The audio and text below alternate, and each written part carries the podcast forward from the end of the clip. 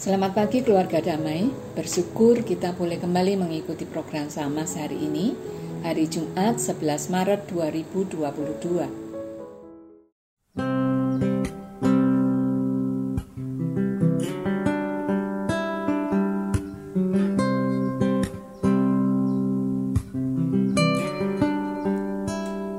Yesus kau kebenaran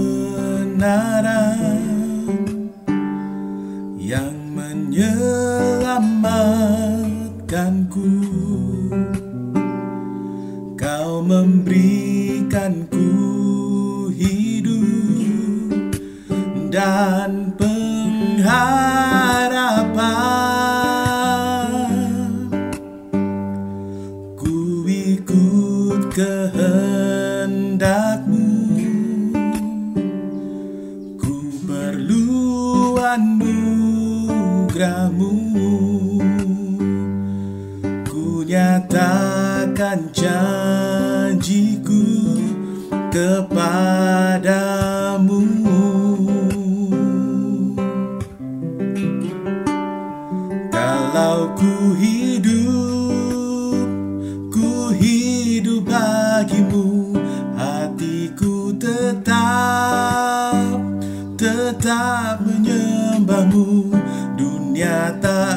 bisa menjauhkanku dari kasihmu.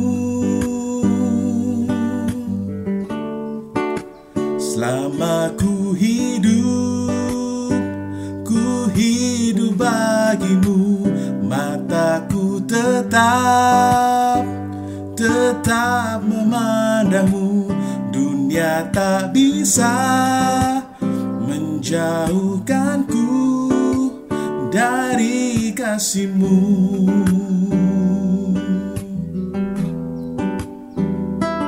Yesus kau kebenaran yang menyelamatkanku.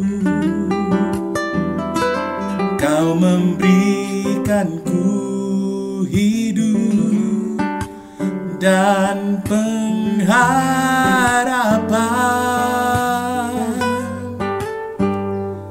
Ku ikut kehendakmu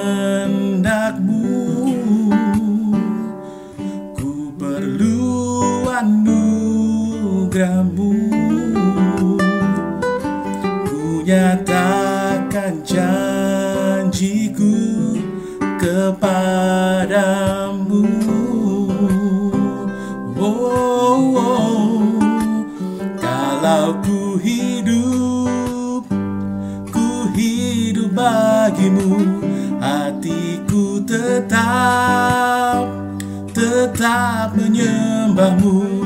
Dunia tak bisa Menjauhkanku Dari kasihmu. Selama ku hidup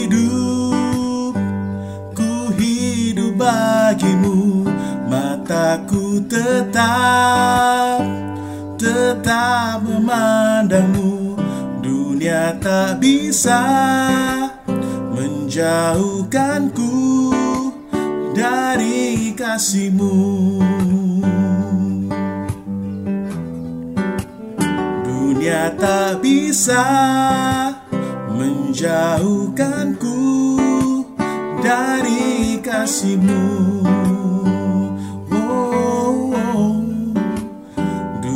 Tak bisa menjauhkanku dari kasihmu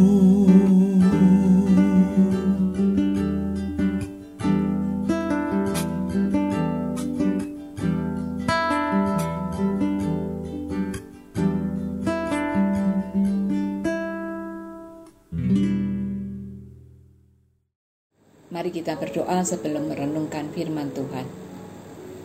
Allah yang baik, kembali kami datang ke hadiratmu kami mengucap syukur untuk anugerah kehidupan yang masih Tuhan berikan. Kembali kami akan merenungkan firman Tuhan. Kami ingin diperbarui oleh firman-Mu. Karena itu Tuhan, Tolonglah kami supaya kami boleh mendengarkan, kami boleh merenungkan, dan kami juga boleh melakukannya. Dan biarlah kami boleh menjadi teladan bagi orang lain di dalam kehidupan kami. Berfirmanlah Tuhan kami siap untuk mendengar. Dalam nama Tuhan Yesus kami berdoa dan mengucap syukur. Keluarga damai hari ini kita akan merenungkan firman Tuhan dengan tema Jadilah teladan. Bacaan perenungan kita diambil dari Filipi 3 ayat 17 sampai 20. Saya akan membacakan untuk kita semua.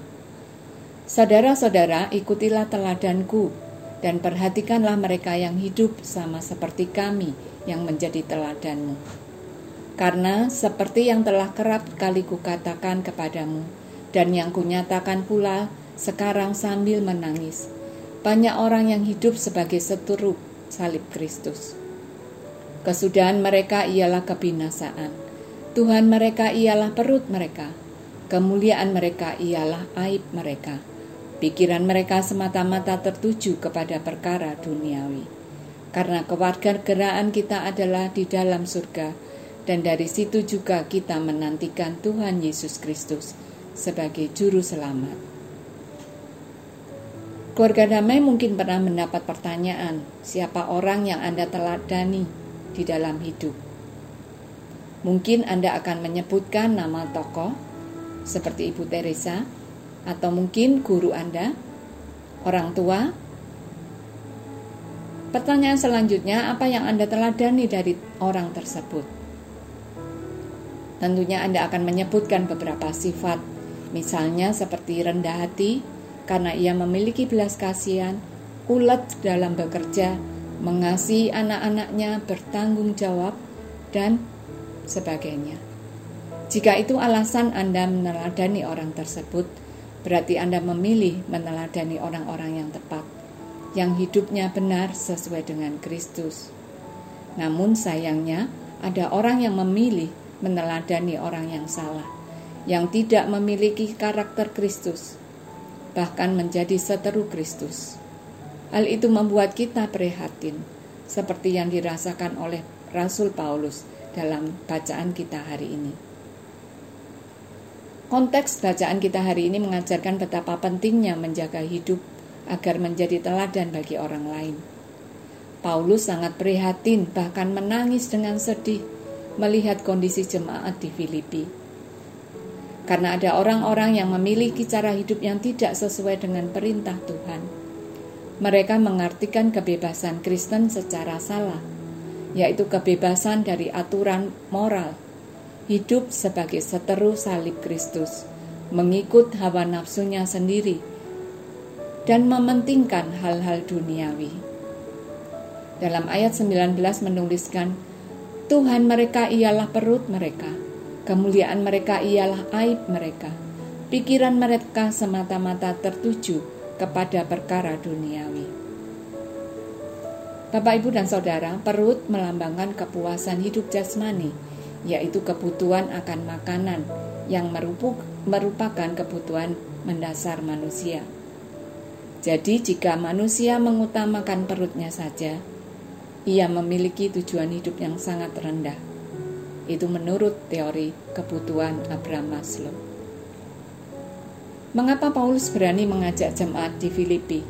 Ikutilah teladanku. Apakah Paulus memiliki hidup yang sempurna? Kita semua tahu bagaimana perjalanan hidupnya sebagai Saulus yang awalnya memburu dan membunuh pengikut Kristus, kemudian menjadi Paulus, rasul Kristus. Paulus sadar betul bahwa ia bukan orang yang sempurna. Ia pernah memiliki masa lalu yang kelam. Setelah mengalami perjumpaan dengan Kristus, hidupnya diubahkan. Ia terus belajar untuk memperoleh pengenalan yang benar akan Kristus, sehingga ia memiliki hidup yang dipimpin oleh Roh Kudus. Filipi 3 ayat 12 mengatakan, Bukan seolah-olah aku telah memperoleh hal ini atau telah sempurna, melainkan aku mengejarnya kalau-kalau aku dapat juga menangkapnya. Karena aku pun telah ditangkap oleh Kristus Yesus. Itulah pengakuan Paulus yang luar biasa. Dari tulisan Paulus kita juga bisa melihat bahwa Paulus menjadikan Yesus sebagai teladan hidupnya. Sehingga dia berani mengatakan ikutlah teladanku. 1 Korintus 11 ayat 1 menuliskan, Jadilah pengikutku sama seperti aku juga menjadi pengikut Kristus. Paulus tidak lagi hidup untuk dirinya sendiri, tetapi hidupnya untuk memuliakan Tuhan dan hidupnya untuk memberitakan Injil seperti yang dilakukan oleh Yesus. Meskipun ia tahu ada bahaya mengancam jiwanya, bahkan ia berkali-kali berada dalam bahaya maut. Paulus tetap melanjutkan misi Kristus. Itu juga yang dilakukan oleh Yesus, memberitakan Injil hingga ia mati di atas kayu salib untuk menebus dosa kita semua. Karena itu Paulus berani mengajak orang lain, ikutilah teladanku. Bapak, Ibu, dan Saudara sekalian, bagaimana kehidupan kita sebagai anak-anak Tuhan? Apakah kita bisa menjadikan menjadi teladan bagi orang lain? Tentu saja teladan dalam kebenaran. Apakah kita berani mengajak orang lain? Ikutilah teladanku. Mungkin kita spontan mengatakan, "Wah, saya tidak berani berkata seperti itu, karena hidup saya jauh dari sempurna. Saya tidak layak untuk menjadi teladan. Saya masih banyak melakukan dosa." Kalau begitu, kapan kita merasa layak untuk menjadi teladan? Bapak Ibu Saudara terkasih, renungan kita hari ini mengingatkan kita sebagai anak-anak Tuhan, warga kerajaan surga, kita wajib menjaga hidup kita. Firman Tuhan menuliskan, "Janganlah kamu menjadi serupa dengan dunia ini, tetapi berubahlah oleh pembaruan budimu, sehingga kamu dapat membedakan manakah kehendak Allah, apa yang baik yang berkenan kepada Allah, dan yang sempurna." Keluarga damai, mari kita mengarahkan tujuan hidup agar kita memiliki karakter Kristus, sehingga kita layak untuk menjadi teladan yang benar bagi orang lain di sekitar kita. Mari kita memohon pertolongan Tuhan agar kita dimampukan untuk hidup benar, menaati firman Tuhan, setia merenungkan firman Tuhan, rajin beribadah, bekerja dengan sungguh-sungguh, jujur, disiplin, menjadi orang tua yang bertanggung jawab, yang mengasihi anak-anak, mengasihi keluarganya, sehingga kita berani mengatakan kepada orang lain, "Ikutilah teladanku." Kiranya Tuhan menolong kita semua. Mari kita berdoa. Terima kasih Tuhan untuk firman-Mu hari ini. Firman-Mu yang terus mengingatkan dan meneguhkan kami untuk kami menjadi anak-anak Tuhan, memiliki karakter Kristus sehingga demikian kami bisa menjadi teladan. Tolonglah kami agar kami bisa menjadi teladan, mau menjaga kehidupan kami, menjadi, memiliki kehidupan yang benar, sehingga kami boleh mengajak orang lain, dan dengan berani kami mengatakan kepada orang lain, ikutilah teladanku. Tuhan kiranya menolong kami. Kami menyerahkan seluruh kehidupan kami di dalam perlindungan dan penyertaan Tuhan. Tuhan yang memampukan kami untuk hidup benar, menjadi teladan bagi orang yang lain. Terima kasih Tuhan untuk firman-Mu hari ini. Dalam nama Tuhan Yesus, kami berdoa dan mengucap syukur. Keluarga damai, jadilah teladan dalam kebenaran, agar orang lain pun hidup benar. Amin.